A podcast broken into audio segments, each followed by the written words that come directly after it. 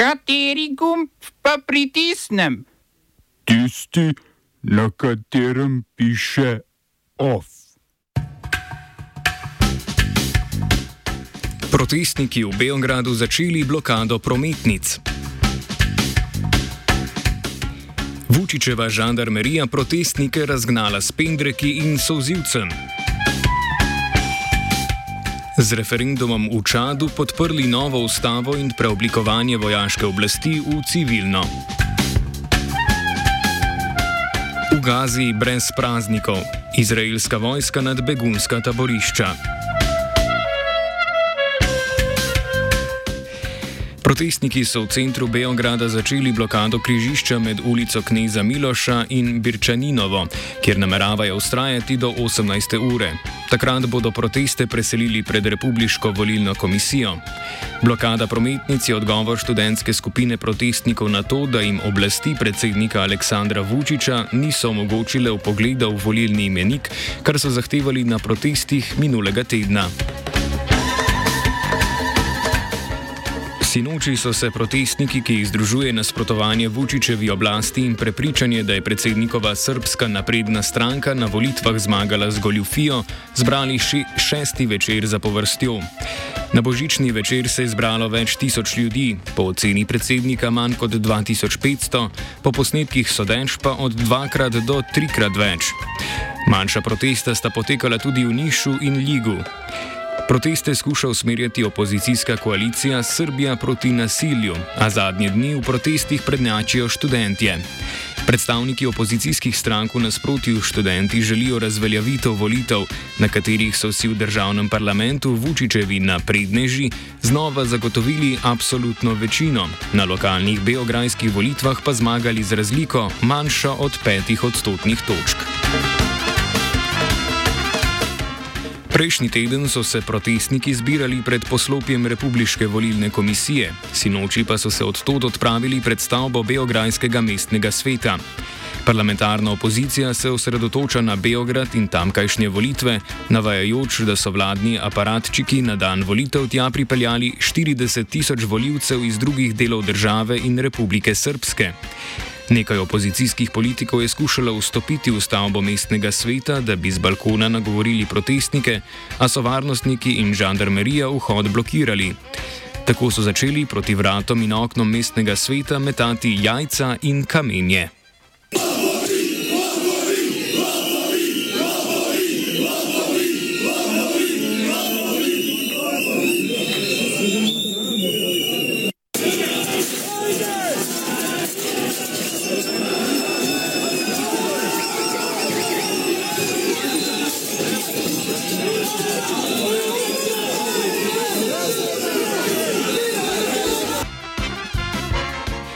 Na zadnje je protestnike okoli 10. ure razgnala žandarmerija s pendreki in sozivcem.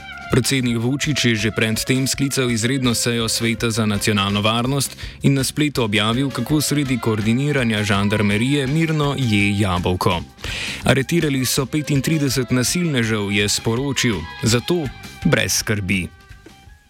Želim, da vam kažem, da ne brinete, građani Srbije. Iako su scene dramatične, jer mi volimo svoju zemlju, volimo svoj grad. Nismo navikli na to da nam neko lomi prozore, da nam neko ruši našu kuću. Da ne brinete zato što nikakva revolucija nije u toku, država je dovoljno jaka, država je dovoljno snažna, njene institucije su dovoljno snažne da odbrane demokratiju, izbornu volju građana Srbije, da odbrane Srbiju, da odbrane Beograd. I to je sve što je potrebno da znate. Ono što je takođe važno, pošto i posle ovakvih događaja možete da vidite da u regionu su počeli da slave i govore o uspešnoj revoluciji koja je u toku. Jasno vam je da to nije samo proizvod unutrašnje pameti ili nepameti, već je to proizvod mnogo ozbiljnijih geopolitičkih okolnosti u kojima pokušavaju da uruše samostalnost, nezavisnost i suverenitet Republike Srbije. I državu im nećemo dati da nam unište. Našu kuću sačuvat ćemo. Živela Srbija i živela sloboda. Vučičeva premijejka Ana Brnabič je zatrdila, da so za poskuse nasilnega prevzema oblasti, kar je po njenem mnenju kulminiralo v napadu na Beograjski mestni svet, vedeli že pred volitvami. Za posredovanje teh informacij se je zahvalila ruskim obveščevalnim službam. Že konec prejšnjega tedna so bili za srpske oblasti krivi tuji opazovalci volitev, naprimer Andreas Schider, s katerim je Brnabič tudi besedno obračunala. Schider iz avstrijske socialdemokratske stranke je bil član misije Evropskega parlamenta, ki je spremljala srpske volitve. Za medije je ocenil, da bi rešitev morda bila ponovitev volitev v Beogradu pod drugačnimi pogoji. Kot je dejal, so na volitvah spet videli fantomske glasovnice. Brnabič je Šiderja obtožila, da laže, a v isti sapi zatrdila, da se to nanaša samo na njen, z Avstrijo pa ima Srbija odlične odnose. Ne samo fantomske glasovnice, ampak tudi fantomski zunani sovražniki torej.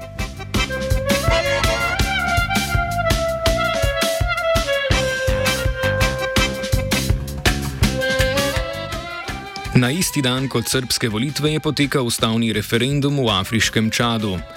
Rezultate referenduma je volilna komisija sporočila teden dni po njem. Novo ustavo je po podatkih komisije podprlo 86 odstotkov voljivcev.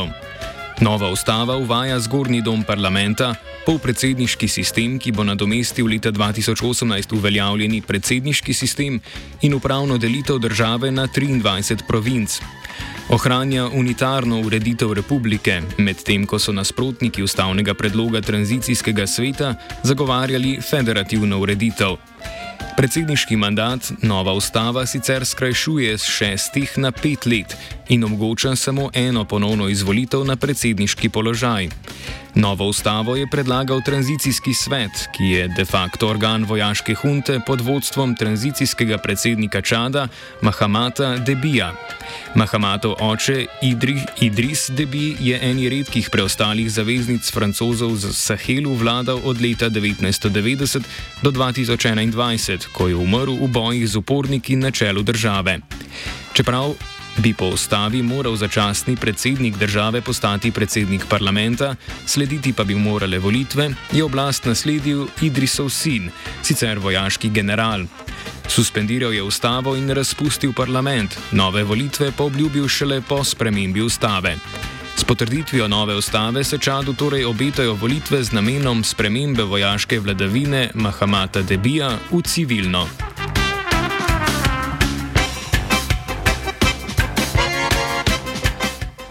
Izraelska okupatorska vojska je na božični večer izvedla zračni napad na begunsko taborišče Magazi v srednjem delu okupirane Gaze.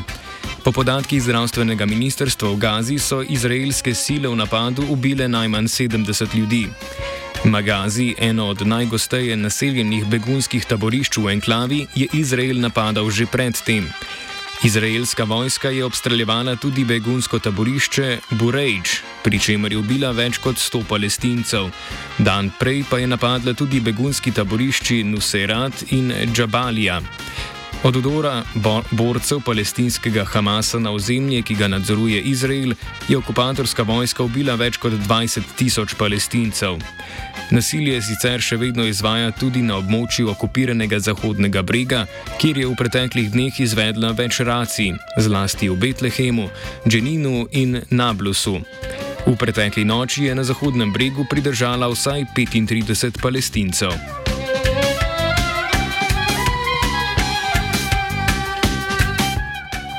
Turško obrambno ministrstvo je sporočilo, da je turška vojska izvedla več zračnih napadov na severu Iraka in Sirije, v katerih je ubila vsaj 29 članov delovske stranke Kurdistana, znane kot PKK. Turške sile so napadle baze, zaklonišča in naftne obrate, a točnih lokacij napadov na ministrstvu niso razkrili. Turško obrambno ministrstvo je zračne napade upravičilo s smrtjo 12 turških vojakov, ki so jih po njihovih trditvah v severnem Iraku ubili člani PKK-ja. Turčija delovsko stranko Kurdistana uvršča na seznam terorističnih organizacij, proti kurdskim milicam pa je leta 2019 začela genocidno ofenzivo na severu Sirije.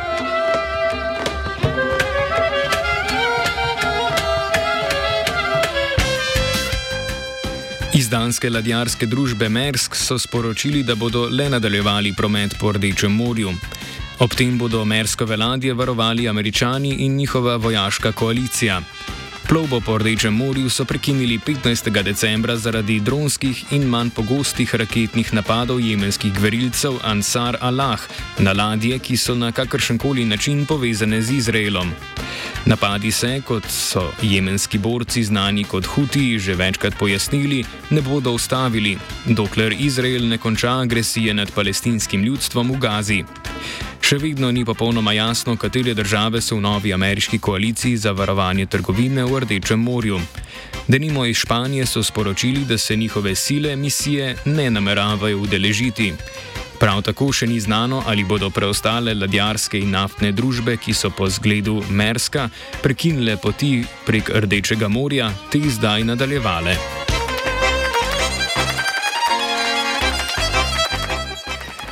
Off so pripravili Neva, Tija, AKG in Martin. Poslušate Radio Student.